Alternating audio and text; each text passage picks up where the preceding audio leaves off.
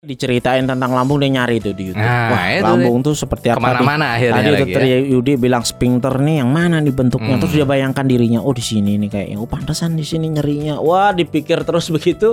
Serius nggak? Bahaya nggak nih Hmm. sakit yang kita alami? Ya Hmm. misalnya nih tadi GERD, panas di dada. Hmm. Wah ini apa serangan jantung nggak atau gangguan yang Hmm. berat nggak? Obat lambung aja nggak cukup. Nah itu dia. Jadi Hmm. dengan pemberian obat lambung aja mungkin nggak akan cukup. Hmm. Ya kombinasi ya perlu nih cemasnya juga diatasi. Halo my friends, ketemu lagi di Jadi Gini ya. Jadi Gini episode kesekian, ke apalah. Season 2 episode 4 ya kan. Sekarang judulnya pendek banget ya. Eh, GERD and Anxiety. Wow, tapi sebelum acara ini banyak yang nanya ya.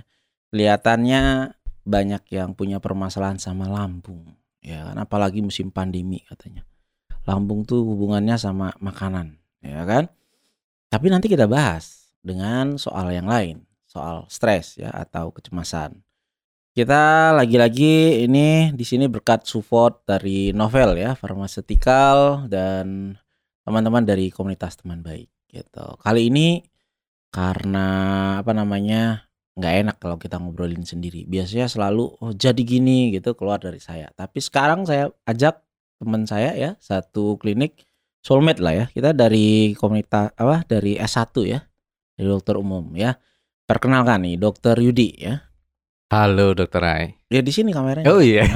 Waduh, jadi ngeliriknya ke sana. Hmm, iya itu Dokter Yudi eh, akun Instagramnya Yu Yudhine ya. Yudi nih. ah, pakai H ya. Itu nanti kita bahas. Tapi kelihatan kalau dari wajahnya ini pasti tidak mengalami GERD nih ya kan. Eh, senyumnya ya kan, ya, itu pasti eh, tidak mengalami GERD. Tapi banyak orang ya mengalami GERD. Ada apa sih sebenarnya ya kan? Dan member-member katanya gejalanya dengan kecemasan. Iya. Gitu. Jadi kita mulai ya. Misalnya GERD-nya apa sih singkatannya? Nah, Nah. gitu. Daripada saya ditanya duluan, ya kan? Iya, jadi gini. Hmm. Loh kok Iya, Iya, jadi, jadi gini- gini. Hmm. Jadi gini ya, jadi ya kalau kita eh, lihat ya singkatan dari GERD itu ya Mhm. gastroesophageal reflux eh, Mhm. disease ya. Ya jadi ini gangguan di mana eh, terjadi rasa yang nggak nyaman di lambung Hmm. itu ya. Nah jadi ada nih ada yang namanya eh, regurgitasi, yaitu ada pelepasan asam eh, asam lambung kan namanya asam lambung ya seharusnya dia di lambung. Maksudnya, Nah, eh, lalu balik terjadi lagi gitu ya ya. regurgitasi dia balik lagi ke kerongkongan. hmm, Ya, dia keluar dari lambung ke ke kerongkongan hmm, sehingga ada rasa nggak nyaman. Namanya juga asam ya. hmm. Nah, lapisan eh, kerongkongan itu berbeda dengan lapisan lambung sehingga Hmm. akhirnya ada keluhan yang namanya terjadi heart heartburn ya, rasa Hmm. panas seperti terbakar di tenggorokan dan bahkan bisa sampai batuk-batuk juga. Nah, Hmm, jadi itu tuh hmm, yang eh, sering disebut dengan eh, GERD hmm, ya. hmm, hmm, hmm. eh GERD ini sendiri ya, ya, Mhm. jadi eh selain dari rasa sensasi seperti itu juga sangat terkait juga nanti dengan eh, terjadinya itu karena kelemahan ya dari eh, kerongkongan ke lambung itu ada seperti Ada yang pintunya, menahan, Nah, ada, yang menahan, ada Hmm. pintunya. Hmm. Ya, ketika itu terjadi kelemahan, lalu tekanan perut itu meningkat, nah makin mudah tuh dia menjadi Hmm. eh, keluar dari lambung ke atas yang Hmm. seharusnya nggak ke sana sehingga terjadi gejala-gejala itu tadi. Hmm, Jadi kalau kita bayangkan nih misalnya eh, apa ya balon ya, Iya. Nah, lambung itu balon gitu ya. Ini ada keran diisi kan. Hmm. Nah itu. Nah yang menyebabkan air si balon itu tumpah lagi ke atas, kira-kira yang neken ya kan. Kalau balonnya neken ditekan ya. ya kan. Tapi kalau yang eh, apa namanya Pengikatnya, ujungnya itu hmm, kencang, pintunya kenceng. ya nggak apa-apa kan di dipencet-pencet ya nggak apa-apa. Tapi kalau lemah juga, ah muncul ya. Muncul ya Gitu. keluhan itu. Jadi gejalanya eh, apa nyeri ya di Iya, hati ya. Nyeri Ada rasa panas, ya, ya Hmm. distilahkan ya heartburn ya. Jadi Hmm. ada seperti rasa terbakar di di ulu hati ya, di eh, perut bagian atas ya. Hmm. Dan bahkan kadang bisa sampai juga sampai batuk ya rasanya ya. Hmm. Nah, itu akibat dari asam lambung dan Hmm. cairan lambung lainnya ya kan juga bisa eh, cairan empedu juga yang ada di Hmm. lambung, ada eh, enzim-enzim lambung juga Hmm. yang ikut keluar ke atas. Nah, itu banyak yang mengeluh begitu ya. Rasanya Hmm. kayak dahak nggak hilang-hilang gitu Hmm, kan. hmm. Terus batuk, batuk-batuk kering ya kan. Nah, ternyata itu bukan dahak, tetapi apa namanya? cairan ya dari eh, pencernaan kita. Itu. Tapi gini loh, sedikit-sedikit orang kan saking terkenalnya GERD ini ya. Sedikit-sedikit orang tuh kalau keluhan di lambung, ah ini saya GERD. gitu. Hmm. Saya GERD. Sebenarnya GERD, mah, apalagi ya, apa namanya? gastritis itu Oh, iya. sebenarnya gimana ya? Iya, eh, di lambung sendiri ya, Hmm. ya ini ada banyak kadang keluhannya ya. Mhm. Ada eh, ya biasanya dispepsia ya, ya. Hmm. Dispepsia rasa Nah, nggak nyaman di mah- lambung ya. mah, dispepsia, gastritis, GERD, ya kan? Iya. Hmm. Orang kadang bilang sakit mah itu Hmm. mungkin bisa kita samakan ini dispepsia kali ya. Hmm. Ya, jadi ada keluhan rasa nggak nyaman di Hmm. eh, di lambung itu Hmm, sendiri. hmm. Bisa rasanya kembung, bisa rasa penuh, bisa rasa Hmm. nyeri, ya kan? Hmm. Ah, Pokoknya jadi dia ada kumpulan gejala. jadi nggak ya. nyaman Rasa gitu nggak ya. nyaman di Hmm.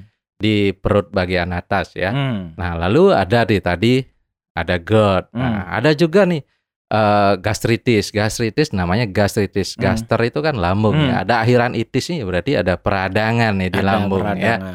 Lalu Bisa ada jadi juga luka ya bisa kan? jadi luka yang Hmm. sering disebut ulkus ya, ulkus Hmm. lambung ya Hmm. karena peradangan lalu sudah terjadi luka yang dalam Hmm. sehingga ada rasa nyeri ini, ada Hmm, ulkus Bisa lambung. jadi bakteri ya kan? Bisa jadi Hmm. penyebabnya salah satunya karena bakteri juga Hmm, ya. Iya, iya, iya, iya. Nah, pembahasan mulai rame. Tapi kenapa kita psikiater bahas ini kan gitu kan? Nah, itu dia. Nah. Kata orang hubungannya gimana nih? Iya. Hubungannya antara GERD dan anxiety. Ya, ternyata keluhan-keluhan di lambung ini eh, sangat erat ya hubungannya dengan eh, stres, dengan Hmm. kecemasan, dengan depresi ya. Jadi sangat erat hubungannya dengan faktor psikis itu tadi Hmm. ya. Nah, secara tidak langsung ya, ketika kita misalnya nih Hmm. ada keluhan, lalu ada kekhawatiran, Hmm. nah, mengalami serius nggak bahaya nggak nih sakit Hmm. yang kita alami ya Hmm. misalnya nih tadi GERD panas di dada Hmm. wah ini apa serangan jantung nggak atau gangguan yang Hmm. berat nggak nah itu Hmm. bisa memicu Karena gejalanya mirip-mirip juga. Gejalanya mirip-mirip juga, ya. Hmm. jadi memicu nih timbulnya kecemasan Hmm. nah begitu pula sebaliknya juga bisa Nah, jadi Hmm. pada orang yang cemas berkepanjangan Hmm. nah cemas itu sendiri selain dia ada keluhan psikisnya berupa rasa cemas sendiri, takut, Hmm. khawatir, was-was ya kan. Ada juga sering nih keluhan fisik yang menyertai dan kebetulan keluhan fisik dari cemas itu terbanyaknya juga keluhan di lambung, Lambung. lalu ada di Hmm. dada, Hmm. ada sesak, sulit bernafas ya kan, sakit Hmm. kepala yang eh, seperti terikat ya, Hmm. tegang, nyeri-nyeri otot. Nah, ada banyak cuman keluhan kalau cemas. dia ansietas, biasanya keluhannya bukan hanya lambung ya. Iya. Nah, tapi ada berdebar. ada keluhan lain yang menyertai Ada juga. nafasnya berat, sakit kepala, gemeter, keringat dingin, kaki lemas. Kita kayak jualan obat, semua gejala dari atas ke bawah ada. Nah, Ada. itu kehebatannya anxiety ya. Iya. Karena dia di otak ya, di pusat ya, Iya. dia mengatur semua sinyal. Iya, karena ya gini, Mhm. eh, kenapa nih eh, hampir dari Hmm. semua itu terjadi? Karena pada kecemasan dia terjadi hiperaktivitas nih dari Hmm. amigdala di otak sehingga eh, saraf-saraf yang eh, tidak bisa dikontrol, nah Hmm. sering kita sebut saraf otonom, ini saraf bagian Jadi semacam simpatisnya. refleks ini ya. Iya, semacam refleks. Tidak Jadi dalam saraf- kendali kita. saraf simpatisnya yang dominan. Nah, Hmm. isi baratnya mobil ini hanya gas saja dia tanpa ada suatu rem. Hmm. Sehingga ketika saraf simpatis ini dominan, nah jadi muncullah berbagai Hmm. gejala-gejala fisik itu ya Hmm. seperti ya berdebar, yang paling Hmm. sering ya berkeringat. Hmm, Nah, hmm, hmm. itu tuh yang yang Iya, iya. terjadi. Kalau saya sering menganalogikan nih alarmnya nih kan. Hmm. Nah, alarm mobilnya terlalu sensitif. Nggak ada yang nabrak, cuman lewat aja di sebelahnya bunyi. Getaran aja bunyi ya. Nah. Dan bunyi itu biasanya nggak enak ya kan. Mana ada alarm eh, lagunya Nina Bobo nggak ada ya kan. Nah, alarm di tubuh kita ternyata begitu nih. Bisa salah satunya ke lambung ya kan. Menyebabkan asam lambung muncul Iya. ya kan. Padahal nggak makan. Hmm. Nah, itu kan. Jadi asam lambungnya muncul padahal tidak makan, mana ada tekanan perutnya Iya. meningkat, ya kan? Mana sphincternya atau gerbang antara esofagus ya, kerongkongan dengan eh, lambung itu melemah, jadi deh Jadinya, muncul. iya. ya kan? Sakitnya tuh di situ, gitu kan? Nah, wah udah mulai banyak pertanyaan ya kan? Eh, oke nih, kita jawab satu persatu ya sambil nanti kita lanjutkan, ya kan? Enak loh, nanya di sini gratis. ya. Nah, nanti kalau di ini bayar, ya kan? Nah, ini nih dari Miuna Rosna gitu. Ya dok, kalau nggak cemas perut baik-baik aja. Tapi kalau cemas perut tiba-tiba reflux, terus jadi sesak. Hmm, iya. Nah, gitu. Iya, jadi jadi gini, ketika Hmm. eh, kita dalam kondisi cemas itu kita Hmm. menjadi lebih sensitif Hmm. terhadap berbagai hal, termasuk juga terhadap eh, rangsang sesuatu. Jadi, Hmm. jadi nyeri yang harusnya nggak nyeri mungkin bisa berlebihan kita Hmm. rasa. Nah, termasuk juga ketika kita dalam keadaan cemas, ya respon itu tadi ya ada Hmm. hormon stres yang keluar, Hmm. hormon stres tersebut ya kortisol ya Hmm. memicu produksi asam lambung yang berlebihan ya Hmm. daripada biasanya. Lalu gerak us eh, gerak lambung juga motilitasnya Hmm. terganggu ya Hmm. sehingga cenderung perut jadinya akan kembung Hmm. ya. Nah, tekanan itu ah, tambah lagi nih Hmm. kayak dokter Ray sudah eh, ceritain tadi pintunya pintunya Hmm. jadi lemah sehingga Hmm. sangat gampang nih asam lambung Hmm. itu balik kembali ke kerongkongan, Betul. keluar ke kerongkongan sehingga ya timbul kenapa jadi keluhan itu. sesak ya? Nah. Nah, kenapa jadi sesak? Hmm. Ya, karena kecemasan itu tadi salah satunya Hmm. juga memicu kan Jadi ya. bisa Nah, bisa bukan karena asam lambungnya, tapi dari kecemasan sendiri Iya. ataupun misalnya nyeri alih ya kan. hmm, Saya juga eh ya seperti yang dulu ada nih episode yang terlebih dahulu itu kita bahas antara eh, apa ya kecemasan, depresi sama nyeri, ya hmm, kan. hmm. Jadi banyak orang nggak paham bahwa sebenarnya yang terganggu di otak kita itu ada zat kimianya, namanya serotonin, Iya. ya kan. Kalau itu rendah itulah yang memicu suatu kecemasan.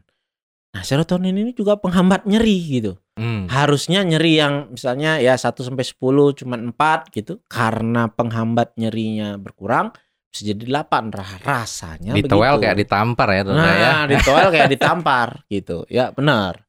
Nah, gitu tuh kira-kira ya. Nah, kemudian ada Darmawan Novi.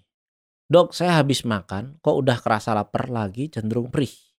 Ditambah saya penderita anxiety. Hmm. Jadi habis makan lapar lagi. Ya Iya, kan? jadi Mhm. Jadi mungkin itu adalah juga eh, bagian dari gejala masalah Hmm. lambungnya ya. Pada orang dengan dispepsia ya Hmm. sering terjadi seperti itu ya. Hmm. Sudah makan tapi cepat lapar lagi Hmm. ya. Nah, ditambah lagi ada cemasnya. Hmm. Nah, itu juga memicu ini sekresi asam lambung ini menjadi makin banyak Hmm. ya. Kombinasi kedua ini tentu memperburuk keluhan atau gangguan yang dialaminya. Jadi Hmm. mestinya kedua ini ah, ditangani bersamaan, bukan Hmm. salah satunya Nah, saja. itu yang paling Nah, penting ya kan. Ja- jangan karena yang hadir di sini psikiater ya kan. Wah, ini berarti nggak nyata nih. Ini cuman anxiety aja enggak. Oh, ini kan keluhan bukan. yang memang ada ya. Iya. Itu kenapa kalau kita di klinik SMC kita biasanya sama internis juga ya kan. Jarang kita nanganin sendiri. Ya, jadi Hmm. gini dokter ya, jadi keluhan yang dialami ini bukan mengada-ngada, bukan Hmm. keluhan yang disebabkan oleh hanya Oh, bukan karena pikiran lebay aja nih, ya, gitu. bukan lebay. Hmm. Yo, ini karena Hmm. pikiran aja, Hmm. bukan. Ya memang nyata dia Hmm. memang ada nih gangguan ini, tetapi gangguan tersebut ternyata diperparah oleh faktor psikisnya Hmm. sehingga penyembuhannya menjadi terhambat, Hmm. gejalanya makin memburuk. Hmm. Nah, itu yang terjadi Iya, sehingga iya, keduanya iya, iya. mesti ditangani. ditangani. Wah, kalau saya seorang sukanya analogi ya kan. Hmm. Saya analogi ini juga dapat dari klien-klien saya. Ibaratkan begini nih gangguan anxiety ini bocoran rumah nih. Nah, Sekarang kan musim Hmm. hujan kan. Nah, atapnya bocor, ya kan. Dibiarin kan netes tuh. Ya kan? Becek di lantai. Nah, itu GERD-nya. Hmm. Ya kan? Kalau nggak ditangani kepleset kita, ya Hmm. kan? Bisa jadi macam-macam, ya kan? Bisa diinfeksi, ya, bisa jadi macam-macam. Nah, terus gimana? Nyata nggak itu airnya? Airnya nyata, ya kan sudah jelas ada itu kan. Kita hadapi. Tapi kalau pakai minum obat obat lambung saja ya sama kayak kita pakai ember aja.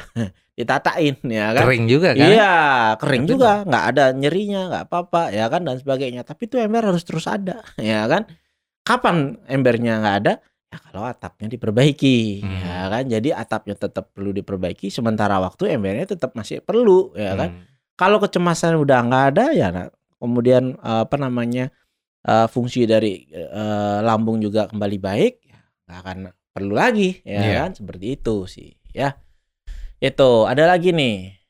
Saya penyintas anxiety Tio 9 merasakan 1001 sensasi. Waduh. Nah, ini, Ini bagus sekali nih dibuat buku ya. Kalau 1001 nomor satu apa, nomor dua apa. nggak, nggak itu itu apa namanya? intermezzo ya kan.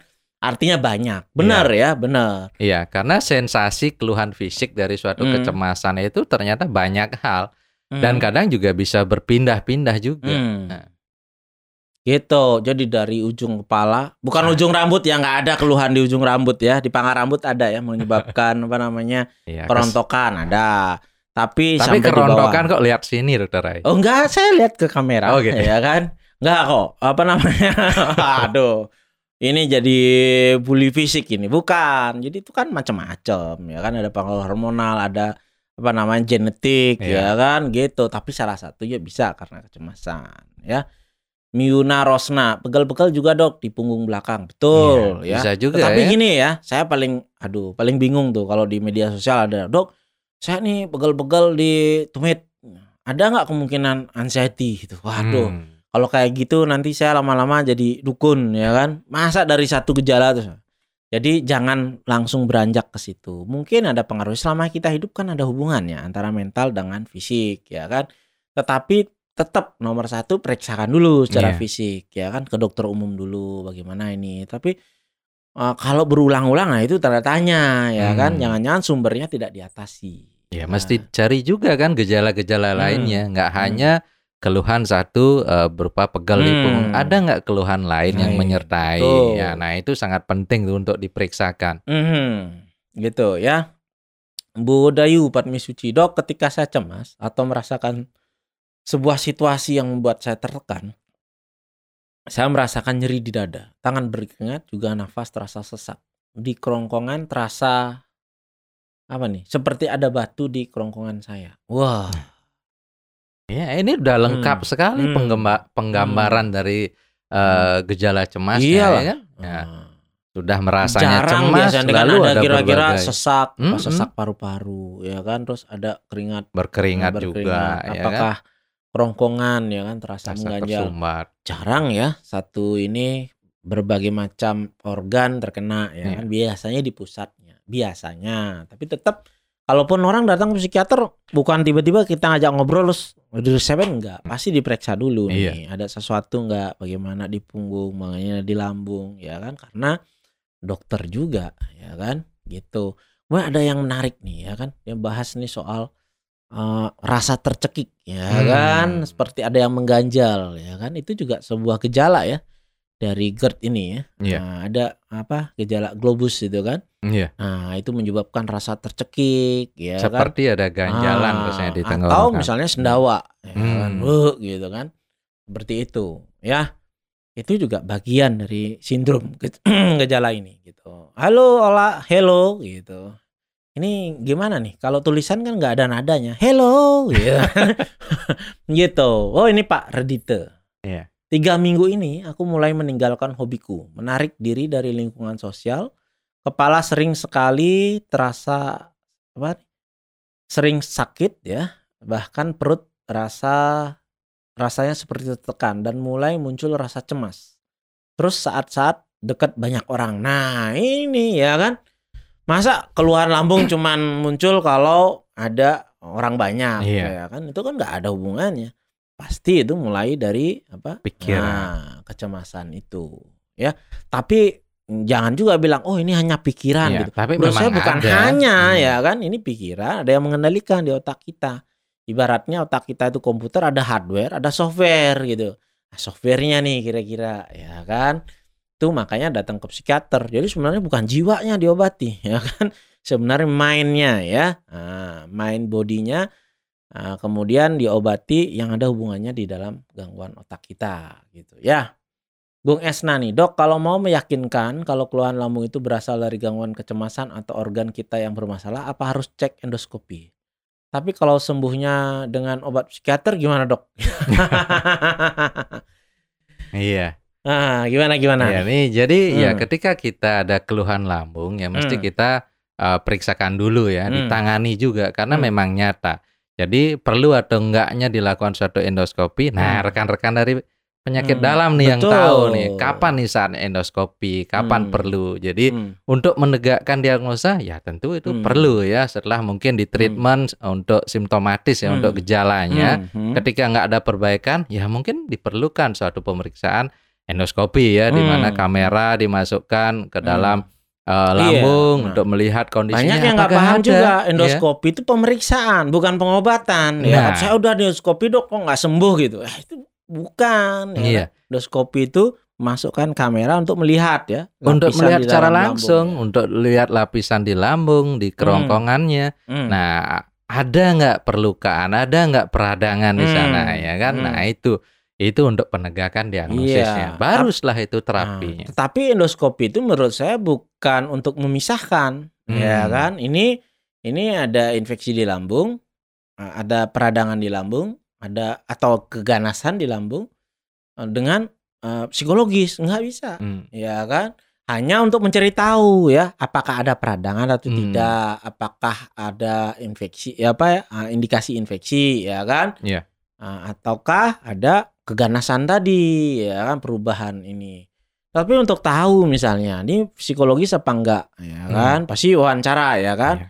Nah, ada lagi sebenarnya ada stress test. Nah, Nah, ada juga tuh stress test. Iya. Hmm. Gini, ketika kita eh, sudah selain tadi ya Hmm. wawancara, kita pengen lihat nih ada hubungannya enggak? Ya bisa nih Hmm. dilakukan dengan yang lebih objektif ya. Hmm. Nah, ada yang namanya stress test.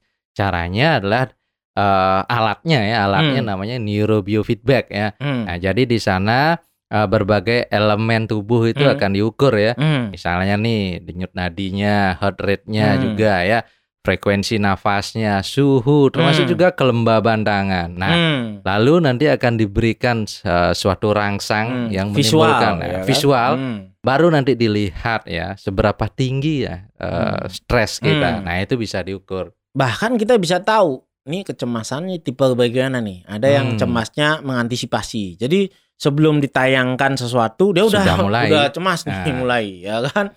Nah, ad- nah, yang normal biasanya ketika kita ditayangkan kita Muncul. bereaksi ya Hmm. kan. Itu normalnya umumnya orang. Kalau enggak bingung juga kita kok enggak muncul ya kan. Tapi ada juga yang tayangannya berhenti masih gitu. Nah, Berlanjut dia. itu Ah. cemas yang biasanya hubungannya trauma ya kan seperti itu kira-kira jadi bisa bisa dilihat ya kan tapi kalau pada akhirnya kemudian berobat di psikiater dan baik ya sudah terjawab kan sebenarnya gitu ya kan kalau memang ada sesuatu di lambung ya, tidak hanya dengan obat psikiater saja kemudian bisa baik gitu sih ya kemudian dari Latifah Tris Trisiswadi Ya kan dok, saya penyintas depresi berat dan BPD. BPD ini apa nih? Borderline personality disorder atau bipolar nih? Oh pasti eh, borderline Oh, ya, personality disorder BPD ya ya. kan? Dikasih obat antidepresan dan antipsikotik. Sementara minum obat eh, nggak lagi merasakan nyeri PMS. Itu ngaruh ya dok? Tar dulu nih. Ya nggak. sebelum dokter Yudi juga jawab, baiknya sih kita nggak ngomong ini antidepresan, ini Hmm. antipsikotik gitu kan, karena bahwa antipsikotik udah dosis rendah banyak tuh. Iya. Di di yang saya cerita kemarin kan, kliennya Hmm. marah-marah nih, dok, ngapain saya dikasih risperidon, ini obat schizophrenia Iya. gitu kan. Padahal saya ngasihnya dosis rendah itu kan adjunktif biasanya. Sama kita juga pakai. misalnya kita Hmm. kasih suatu asam palfroat misalnya. Hmm. Loh, dok kok saya dikasih obat anti kejang. Nah, Nah, gitu itu. juga ya. Jadi jangan begitu ininya. Hmm. Jadi ada satu obat tuh gunanya banyak hal. Ya. Gitu. Sama nih seperti paracetamol dia bisa Hmm. menurunkan panas, Hmm. bisa sebagai anti nyeri Ah, juga kan, ya, kan itu. begitu. Makanya kalau kita sakit apa pegel-pegel di badan dikasih paracetamol ada yang marah nih. Saya kan nggak panas dok. Hmm. Nah, begitu. Jangan jangan begitu ini pemikirannya. Tapi pemberian ya, mungkin maksudnya antidepresannya ada jenis-jenisnya ya. Iya. Apakah SSRI ya kan? Apakah itu Tricyclic, tricyclic juga ya. ada. Hmm. Apa ada pengaruhnya nggak ke nyeri? Katanya nyerinya PMS-nya berkurang. Ya, itu Hmm. sangat tergantung nanti jenis Hmm. antidepresan yang diberikan ya. Apabila jenis antidepresannya ya golongan Hmm. trisiklik, lalu golongan eh, SNRI Hmm. yang bekerja di serotonin dan norepinefrin. Nah, ini dia bisa juga Hmm. sebagai untuk Ya, di nyeri Nah, itu anti tadi ya, tadi. sebagai anti nyeri Iya, juga. Memang Nah, dipakai itu, ya kan? Ah, Dan juga mempengaruhi mood. Mungkin kan Hmm. nyerinya diperparah lagi, mood kita nggak enak, nggak nyaman, jadinya PMS kan berpengaruh juga, ya kan? Secara hormonal juga ada hubungannya, ya kan? Seperti itu. Tapi syukurlah dengan pemberian itu malah ah, membaik ya gejala-gejala nyeri PMS-nya, ya. Kemudian, tapi jangan gini, jangan setiap orang nyeri PMS terus minum Lalu- itu. Nah, itu kebalik gitu Nah, ya. nanti kan orang gagal paham nih. Oh, nih saya nonton live IG nih Hmm. begini nih, ini bisa pakai nyeri PMS enggak? Diperiksa dulu. Ya. Ya, diperiksa dulu. Gitu. Kemudian ini ada Hana Yohanda. Dok, GERD anxiety sebenarnya berbahaya nggak? Mengancam nggak sih dok? Kalau sudah satu bulan penuh ketakutan. Nah, Gimana? Ini Hmm. Jadi eh, ketika GERD beserta adanya Hmm. anxiety, ya GERD itu sendiri tentu menimbulkan ya gangguan ya bisa Mhm. erosi kan, Hmm. bisa perlukaan di di ininya di eh, apa namanya esofagusnya ya, Hmm. di tenggorokannya. Lalu ketika ada kecemasan, nah ini diperberat lagi ya, Hmm. asam lambungnya tambah banyak, eh sphincternya, Hmm. artinya pintunya itu jadi Ya, makin obat-obat longgar, lambung aja tekanan. nggak cukup. Nah, itu dia. kan? Jadi Hmm. dengan pemberian obat lambung aja mungkin nggak akan cukup. Hmm. Ya, kombinasi ya perlu nih Hmm. cemasnya juga diatasi Hmm. sehingga uh, dua-duanya ditangani kesembuhannya makin Baik. baik, Nah, makin cepat iya. harapannya juga ya. Benar, tapi kalau ditanya itu berbahaya atau tidak, apa sih yang tidak ditangani itu Jadi tidak berbahaya, ya. ya kan? Semua kalau nggak ditangani ya berbahaya, ya kan? Panu aja kalau nggak ditangani berbahaya, ya kan? Bisa mengancam jiwa loh itu. Ya kalau kau garuk-garuk terus nggak lihat mobil pas nyebrang kan eh, mengancam nyawa itu, ya kan? Artinya semua hal kalau kita ini nggak Diabaikan, ditangani nah. daripada takut-takut sendiri, cemas-cemas sendiri tapi nggak ditangani ya gimana? Hmm. gitu ya kan mau quote apa lagi sih yang mau dibaca supaya sampai kita mencari pertolongan? Gitu ya kan? Ah, kemudian ini apa yang diketawain? Saya bingung ini. Puspa Anom dok saya baru gabung nih numpang tanya. Maaf kalau sudah dibahas. Apakah semua GERD disebabkan oleh anxiety? Nah, atau saya ubah ada- dikit nih pertanyaannya. Ada.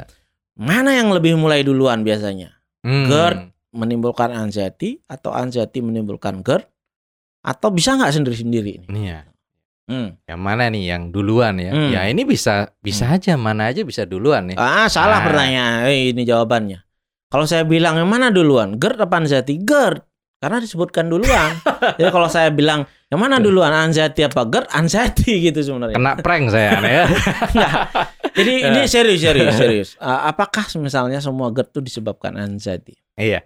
Ya, jadi Hmm. eh, nggak semua ya GERD itu semua. disebabkan anxiety ya. Hmm. Kalau kita bicara dispepsia yang lebih Hmm. besar ya, jadi Hmm. kumpulan gejala dari keluhan di lambung itu ada yang Hmm. fungsional, ada yang Hmm. organik ya. Jadi Hmm. organik itu nyata ada kelainannya, sedangkan fungsional Hmm. lebih terkait dengan faktor psikis, Hmm. eh, pola makan juga. Hmm. Nah, lebih di sana. Jadi nggak semua disebabkan oleh anxiety. Hmm. Nah, tetapi anxiety ini mem- bisa memperparah terjadinya Hmm. GERD baik yang eh, dalam penanganan Hmm. atau yang tidak ditangani. Hmm. Tapi itu. dalam klinis itu relate banget. Iya, tentu. Ah, jarang Hmm. kita lihat yang GERD kok nggak ada anxiety, ya, Ya. kan begitu. Kebanyakan ya eh, Hmm. bersamaan itu Iya. bisa. Apalagi pada orang-orang yang cenderung nih eh perfeksionis misalnya ya kan. Hmm. Nah, itu itu biasanya itu biasanya sebagai begitu ini diceritain tentang lambung dia nyari itu di YouTube. Nah, Wah, itu lambung tuh seperti apa ke mana-mana akhirnya Tadi lagi dokter ya. Yudi bilang sphincter nih yang mana nih bentuknya Hmm. terus dia bayangkan dirinya oh di sini nih kayaknya oh pantesan di sini nyerinya. Wah, dipikir terus begitu.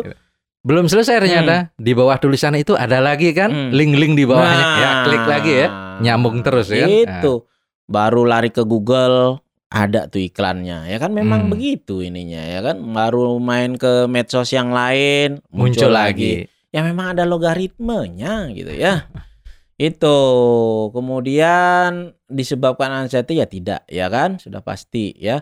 Tetapi perlu diperiksa ya. kan? Sebab kalau anxiety nggak ditangani GERD-nya biasanya sulit akan sembuh Hmm. tuh. Ya kan? Nah bisa juga kadang-kadang dalam beberapa prakteknya hmm, ya saya supaya kliennya nggak cemas saya nggak bilang nih anxiety tapi saya masukin aja lah obat ansietas bahaya juga Hmm. karena kita nggak paham gitu loh sugestinya besar tanpa kita pahami apa ininya ya kan kita sih nggak merekomendasi begitu Hmm. kemudian UT Putra Dok, ciri-ciri yang mudah dilihat nih ketika itu GERD akibat anxiety apa nih? Iya.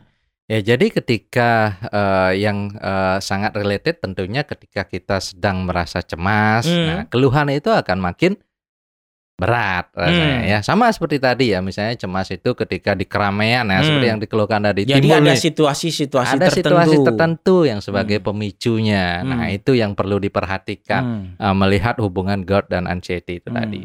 Nah, atau kalau melihatnya mudah begini, misalnya kalau memang murni lambung tanpa anxiety, ya tinggal pola makannya aja diperbaiki, Diatur. Hmm. ya kan, kemudian minum obat lambungnya. Tapi ada loh, ya kan, sering nih orang udah minum obat lambung teratur, rasanya pola makan sudah diatur semua, tapi random muncul lagi, muncul lagi, Hmm. muncul lagi. Nah, mungkin ada faktor kecemasan ini yang belum ditangani, ya, Ya.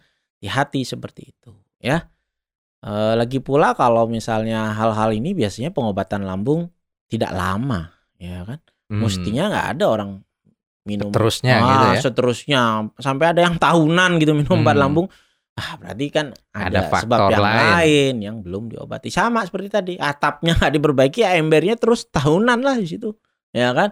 Gitu, itu ya. Wah ini tanda begini semua nih. Kalau saya begini nanti disangka mau mencalonkan diri nih dekat-dekat pilkada nih, gitu ya.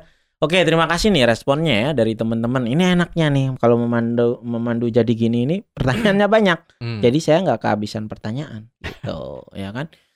Oke, pertanyaan ini ini yang paling berat nih menurut saya. Apakah ada kaitannya ya antara sakit mah ini dengan susah perekonomian? Nah, kan biasa begitu. Oh, sakit apa? Sakit lambung wah, kamu nggak keren banget nih sakit orang susah nih gitu. Hmm.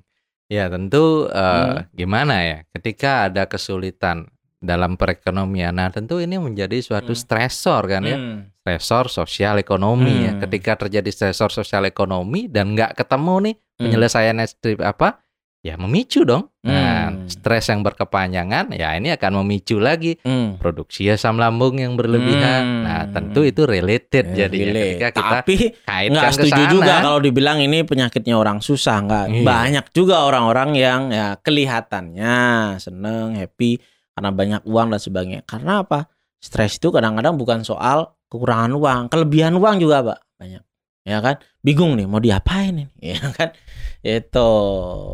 Halo Pak Adi Pak Agung. Ah Pak Agung Adi nih yang baru muncul nih ya kan? Seperti itu ya. Eh apalagi nih kita bahas? Tetapi gini eh, tadi kan menarik ya eh Nah ini ada nih dokter tuh. oh, apa nih? Oh Hana Hana Yohanda. Izin tanya lagi dok. Hmm. apakah anxiety hanya bisa disembuhkan dengan obat-obatan? Nah, Nah gimana? menarik nih. hmm. Nah, ans- dulu nih hanya bisa disembuhkan. Iya baru saya pikir. Kan tadi hanya ya. hmm. Anxiety itu juga ada nih. Bisa mungkin dia ringan, Hmm. pas sedang mungkin atau sangat berat Hmm. ya.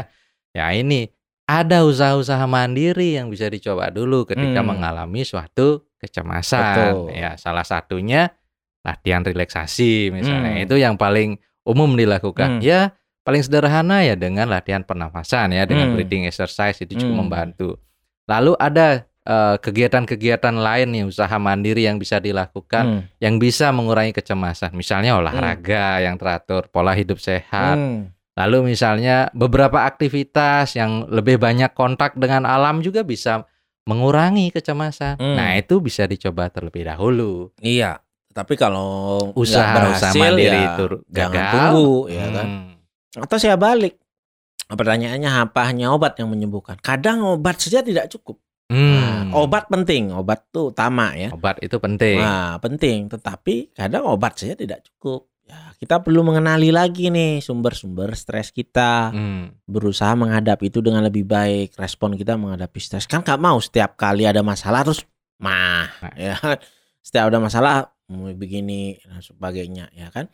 Ya obat mampu membuat kita berpikir lebih jernih, punya mood yang lebih baik, sensasi ini berkurang, ya kan sampai tidak ada. Tetapi kita cari sumbernya, itu perlu diatasi. Jadi sebenarnya bahaya.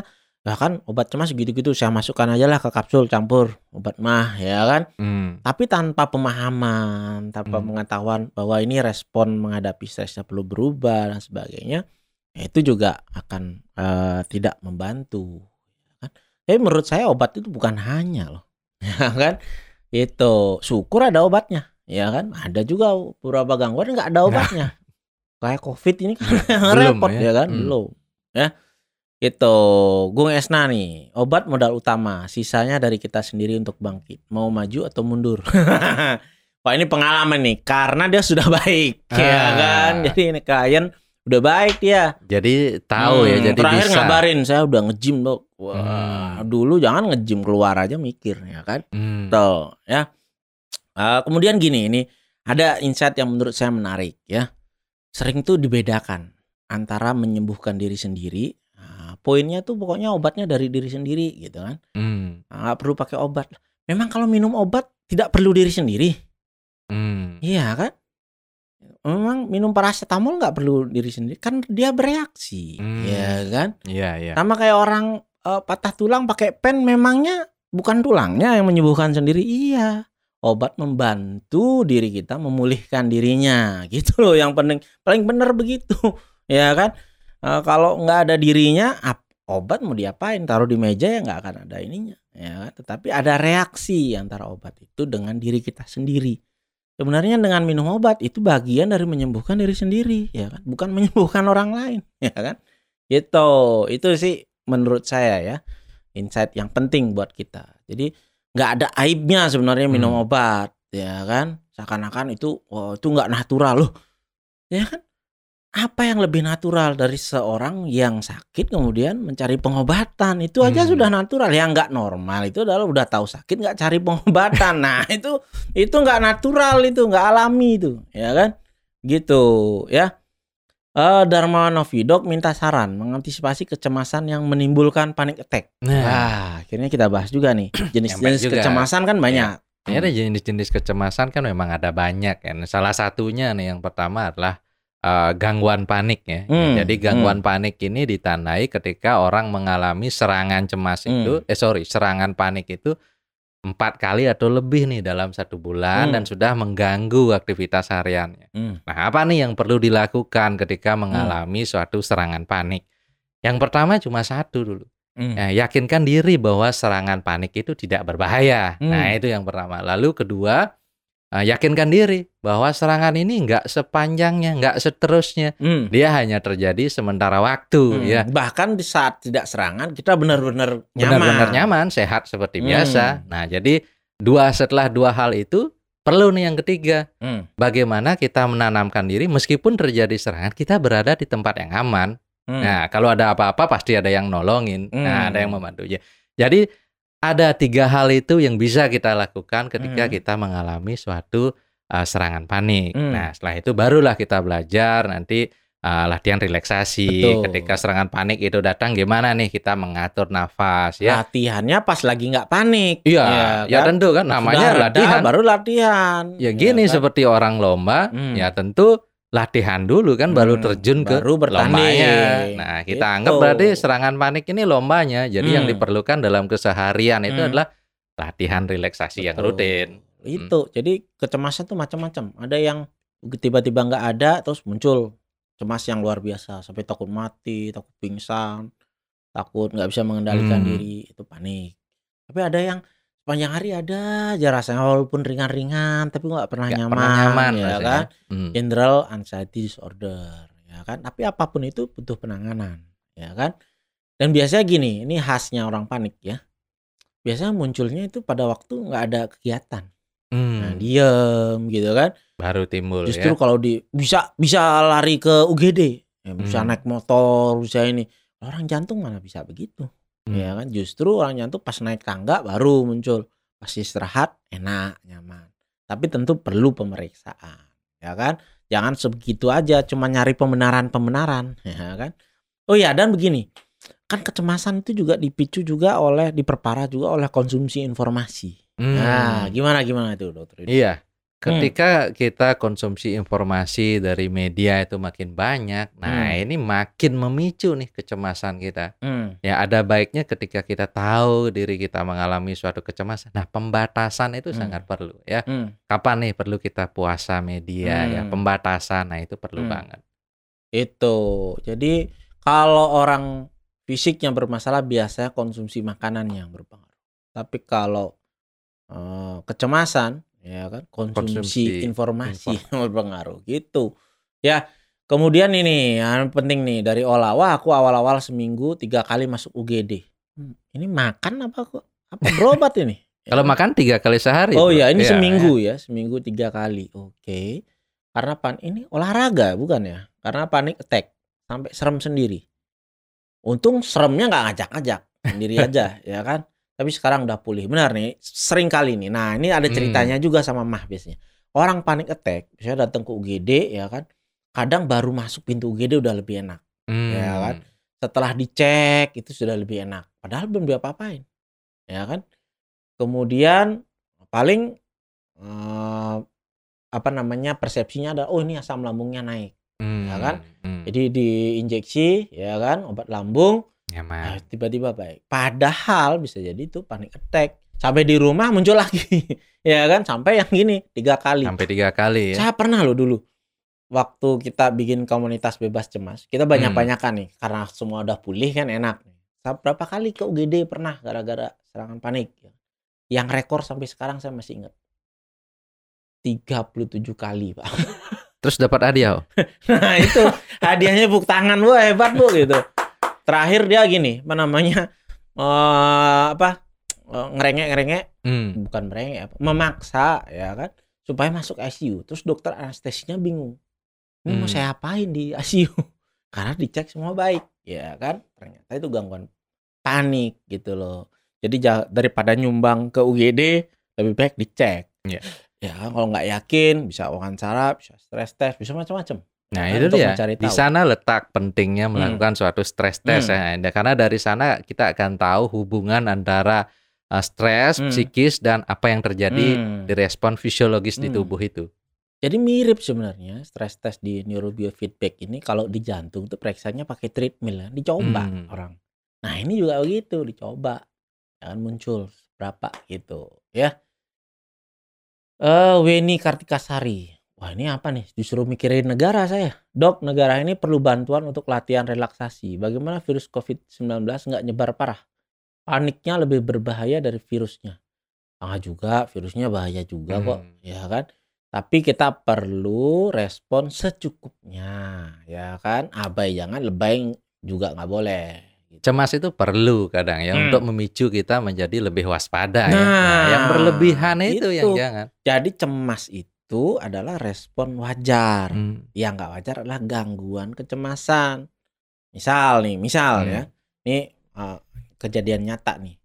Pada waktu COVID positif, wah, kan, Hmm. wah nggak enak dong, down, sedih, ya kan namanya kita punya perasaan, ya kan. Wajar. Tapi ada loh, ketika sudah negatif masih cemas. berlanjut ya Eh, jangan-jangan gejalanya ya. masih nih, Hmm. masih di rumah, masih. Nah itu. Dan bahkan Hmm. nggak jarang nih beberapa pasien yang sudah eh, selesai ya artinya sudah Hmm. dinyatakan bebas dari COVID, periksa swab sendiri lagi Hmm. untuk lebih memastikan. Hmm. Nah, padahal Malah hasilnya digilir kliniknya, ya kan. iya Lagi baru saya bilang pindah sini, pindah sini sana. karena karena masih belum yakin ya Hmm, rasanya. Nah, hmm, hmm. jadi itu yang mesti diperiksakan. Hmm. Ada nggak kecemasan nih? Hmm. Jadi kalau ada seleb kuliner dia seleb lab ya, nyobain lab di mana-mana dia, gitu kan. Iya, kasihan banget ya. Jadi sebenarnya betul, artinya kecemasan itu penting. Tetapi kalau mengatakan kecemasannya lebih begitu nggak juga, ya Hmm. kan? Tergantung sih faktanya kalau lagi meningkat dan memang ya kan yang lagi rame dibahas boleh lah kita member-member ke sana ya kan. Hmm. Nih mau dibuka lagi sekolah ya kan. Eh ada kasus banyak. Wajar lah. Ya kan kita waspada. Jadi ada yang bilang begini. Cemas itu kayak air. Kalau dikit bisa pakai nyeram kembang. Tapi kalau banyak tsunami. Banjir ya. kan? Gitu ya. Ada lagi siapa nih? Gungge Ari. Malam dok, maaf baru masuk. Oh, kita maafkan apa enggak nih? Nah, gitu.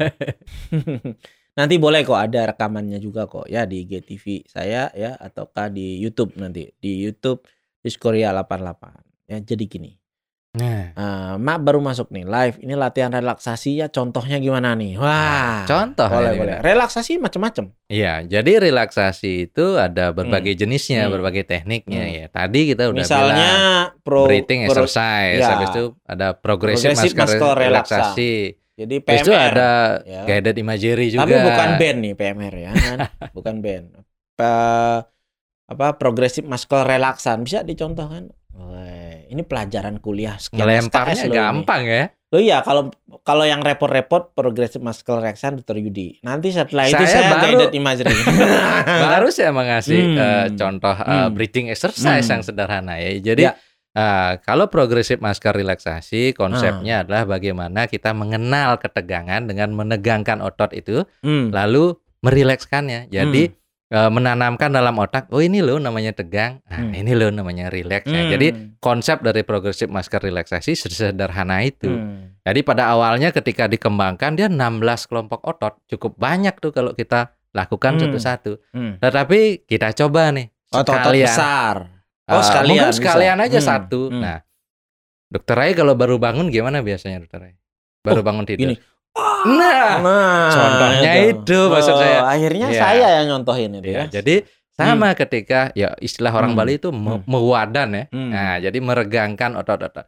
Jadi kita tegangkan dulu nih. Hmm. Nah, ini sampai kaki cuma nggak kelihatan kan. Gini. Habis itu cukup nih, tahan Hmm. tegangkan 6 detik ya sampai 8 detik. Setelah itu Relax. kan, nah, rileksnya 40 detik kan. Hmm. Nah, jadi itu diulang ya Hmm. 2 sampai 4 kali Hmm. secara rutin. Ya, itu udah cukup. Karena tuh. kalau orang ansietas biasanya kontraksi ototnya nanggung, tapi Hmm. sepanjang hari begitu. Iya. Kalau sekarang sengaja kita buat eh, lebih kencang, setelah itu kita relax. Relax, Jadi ya. kita bisa merasakan Nah, perubahan. jadi tahu nih otak mencatat beda antara tegang dan rileks.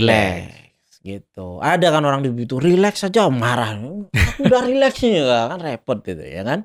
Seperti itu ya. Ini apa nih? Gusiana malam dok. SRY kepencet tadi itu gimana? Apa yang dipencet ya? Nah, kan?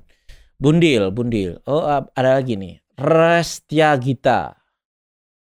Dok, ini saya lagi epilepsi. Saya jadinya depresi menahun dan kecemasan, kata psikiater. Maksudnya gimana nih? Eh, epilepsi saya jadinya depresi menahun. Oh, si Resti. Oh iya, iya, iya, iya. Nah, itu. Ini kan maksudnya gini, kalau ini kan ada dulu nih kejang ya kan Hmm. antara ini kejang epilepsi atau kejang yang hubungannya dengan psikologis. Hmm. Jadi memang perlu pemeriksaan yang tepat ya kan nggak bisa nih dari jarak jauh ini menurut saya ini Resti epilepsi nggak bisa Ya, jadi mesti ada pemeriksaan neurologi ya. Iya, Nah, mungkin kan. perlu dilakukan bisa salah satu otak. epilepsi Hmm. bisa hanya bukan hanya bu- bisa saja adalah Dua-duanya eh, juga. depresi dan cemas atau kedua-duanya Hmm. itu ya kan lebih ini makanya kalau kami di SMC itu oh, Kolaboratif ya, ya. kolaboratif gitu ada dokter neuronya ada psikiatrinya nanti kalau urusannya sama mak ada dokter penyakit dalamnya ya kan ada seksologinya kalau ada, Ada. hubungannya ke sana ya kan bahkan spesialis olahraga Hmm. Iya kan? Karena banyak orang cemas ber- takut. Saya boleh olahraga, gini nggak dok? Ya, Nah, kan? gitu. Buktinya apa? Nah, Hmm. dicek dulu, di assessment dulu. Ya, yang penasaran boleh tuh lihat di IG-nya klinik SMC. Ada tuh bahasan saya sama dokter Anthony. Hmm. Kan? Itu apalagi nih? Bundil tahun 2018 selama setahun itu enam kali mondok karena panik attack mondok nih maksudnya gimana nih? Mondok ke pesantren apa rumah sakit kayaknya ya opname nih Hmm. maksudnya. Tapi waktu itu belum paham kalau itu panik attack. Dulu itu sampai konsumsi obat jantung, sekarang masih simpan alprazolam buat jaga-jaga. Nah itu ya kadang-kadang kita nggak mendapatkan penjelasan. Tapi itu hak pasien loh untuk mendapatkan penjelasan Hmm. ya kan atau nih ini ada cerita juga ada orang sudah datang saya ini dok eh, mengalami gangguan jantung boleh saya lihat obatnya pak obatnya alprazolam Hmm. obat jantung bukan itu Hmm. mana ceritanya pak oh saya udah keempat eh, dokter jantung untuk oh terus di tiap itu tuh saya echo saya treadmill ya kan? Hmm. terus gimana? Normal loh kan marah saya. Masa Hmm. saya ngerasakan normal? Terus saya disuruh ke psikiater saya nggak mau dok. Emang saya gila? Ya kan Hmm. gitu kan trademark yang salah di masyarakat. Akhirnya kayak begitu akhirnya dokter jantungnya kasih obat dok obat ini. Ya terus saya membaik. Berarti bener dong saya sakit jantung. Wah kan repot ini. Ya kan Hmm. dokternya udah berusaha dengan baik. Tapi karena ketidakpahaman kita jadi antara kita yang salah paham atau ya. memang nggak dapat pemahaman itu Hmm. ya kan karena tidak diberikan misalnya itu hak lo klien untuk cari tahu nih apa nih ya kemudian apa nih Ana Putriani saya penyintas panic attack di Hmm. sering masuk IGD dulu ya. saking Hmm. sering langganan IGD saya harus didiagnosa GERD dan diinjeksi tapi di bawahnya. Belum belum. Tapi oh padahal saya kena panic attack. Dokter GD hanya bilang saya kena GERD. Waduh. Kita prihatin. Ya mungkin ini aja Hmm. kena GERD, tetapi ada paniknya. Nah, bisa jadi seperti itu kan? salah, Nah, nggak jadi nggak salah juga. dokternya. Karena bisa dua-duanya yang Iya, terjadi. Tapi kami Hmm. harapkan dari menonton ini Dijelas. jadi tahu, dok. Mm-mm. Selain GERD saya ada lagi yang lain Nah, nggak? jadi bisa kita Nah. menanyakan ya, siapa tahu mungkin lupa dijelaskan ya. Hmm. Jadi kita tanyakan ada kemungkinan enggak kita mengalami panic attack Betul. misalnya ya. Seperti itu, ya kan? Kita harus cari tahu, apalagi berulang, Hmm. ya kan? Berulang berarti kan ada yang belum tertangani nih, gitu, ya. Itu karena ya karena stigma juga kadang-kadang kalau dokter suruh ke psikiater orangnya marah, Tersinggung ya, masih ya tersinggung. kadang ya. Iya, tapi yang tersinggung tuh biasanya apa ya? Masih belum gaul lah, ya kan? Sabtu-Sabtu belum pernah nonton live IG, ya kan? Dijadi gini, gitu ya. Masa gitu aja tersinggung ya? Ah iya, itu Iya. acara yang lain. Oh, ada Itu acara yang aja lain itu ya, lain. itu ya? Ini jadi gini, ya kan? Eh, Gung Esna, dok mau tanya lagi nih, untuk mempercepat terapi obatnya harus melakukan psikoterapi, maksudnya olahraga dan hipnoterapi mindfulness kan dok? Untuk mempercepat harus, nggak harus sih itu pilihan ya kan, tetapi tentu Hmm. Ada tambahan yang baiknya. ini ada baiknya diimbangi dengan itu. Apalagi kalau memang nyata ada kecemasannya nggak ada Hmm. salahnya dong juga dilakukan terapi untuk Betul. kecemasannya. Itu namanya holistic. Hmm. Holistic tuh whole, menyeluruh semuanya gitu ya. Sama lah pertanyaannya kalau diet mana lebih berhasil dok? Olahraga aja apa olahraga sama membatasi makan? Hmm. Nah, ya Hmm. kan? Terus membatasi makan makanan yang sehat gitu kayak gitu. Hmm. Ya pastilah kalau kita coba metode yang lebih baik, Kombinasi. lebih banyak variasinya, tentu akan lebih baik. Seperti itu. Tapi dengan pendampingan profesional, jangan nyoba-nyoba sendiri, ya Hmm. kan? Gitu. Masa otak dipakai mainan, ya kan? Gitu. Ada lagi yang lainnya? Karena ini lagi lima menit, ya sengaja ya, menarik kan? Menarik ini kan? Wah, kita juga promosi ya kan? Gini, gini, gini. Jadi kami uh, yakin sekali kolaboratif seperti ini nih sangat baik. Berapa teman-teman di sini kan hanya melihat satu hal, satu hal persepsi. Hmm. Ya sebenarnya kesehatan kita itu saling berkaitan ya. Nanti selain di acara jadi gini yang di arrange oleh komunitas teman baik ya. eh, di live IG saya ini juga ada live IG informasi-informasi yang lain ya kan. Misal nanti boleh pantengin ya. Jadi bahkan untuk kesehatan mental pun kami kolaborasi ada psikiater, ada psikolog klinis ya kan. Itu di sehat mental Care. care ya. Dot klinik SMC Hmm. ya atau di akun IG-nya klinik SMC Bali ya ada ya. Itu juga bisa tuh lihat informasi-informasi ada rekamannya, ada IGTV-nya dan sebagainya. Itu nanti juga tiap minggu kami arrange juga ada namanya kopi kental ya dan Hmm. acaranya. Nah ini yang baru nanti dari sehat mental care. Sehat mental care dot klinik SMC. Nanti kita buatkan namanya apa? Kayaknya namanya se- sehat mental care. Iya. Hmm, gitu. Itu barangkali ya mudah-mudahan membaik. Siapa tahu dengan mendengarkan ini kita jadi lebih paham, terus mahnya lebih jadi lebih baik. Hmm. Nah, ya kan? Kita perlu informasi yang eh, bisa kita pahami. Dengan memahami saja katanya apa? Understanding that heal. Hmm. Gitu. Jadi dengan itu aja bisa memulihkan, membantu pemulihan kita dengan lebih cepat, ya kan? Gak usah nyari-nyari yang asal. Ya, belum tentu ini saya dapat di internet tuh. Masa internet bohong? Ya, apa sih yang nggak ada versi bohongnya di internet, ya kan? gitu. Itu ya barangkali ya, Dokter Iya. Yudi ya. Gimana rasanya berada di jadi gini? Ya gini aja. Anda tidak kreatif ya, Eh. kan? Gini jadinya, ya Ya. kan? Dibalik ya. Nah, begitu kira-kira yang kami sampaikan ya. Jadi kalau ada keluhan segeralah berkonsultasi. Jangan jangan ditunda. Kalau memang ada gangguan cepat bisa ditangani. Kalau enggak kan ya sudah lebih lega, ya kan? Gitu barangkali ya, bukan soal nunggu berat baru ini ya. Wah, oh absen dulu. Ah, halo, ada juga psikiater dari Lombok ya. Butuh Diatmika gitu. Oh, Pak Direktur. Pak Ya. Direktur, ya baru saya Hmm. bilang ini Pak Hmm. Direktur nih. Itu. Oke, itu dulu ya. Kita ketemu lagi nanti di acara jadi gini lainnya. Pantengin juga eh, at Skoria 88 ada acara-acara yang lain juga. Saya Hmm. sengaja nggak sebutkan karena banyak repot juga.